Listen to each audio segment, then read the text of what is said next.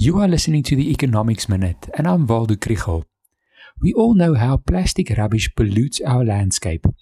With the COVID 19 pandemic, the importance of reducing, reusing, and recycling may have faded into the background a bit, but the problems of plastic pollution are still with us.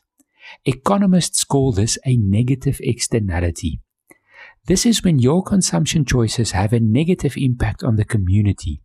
It is external to the price system because the impact of your pollution is not discounted in the price of the product. Our advice is to link the price of pollution to the product. If littering costs us money, we would stop doing it.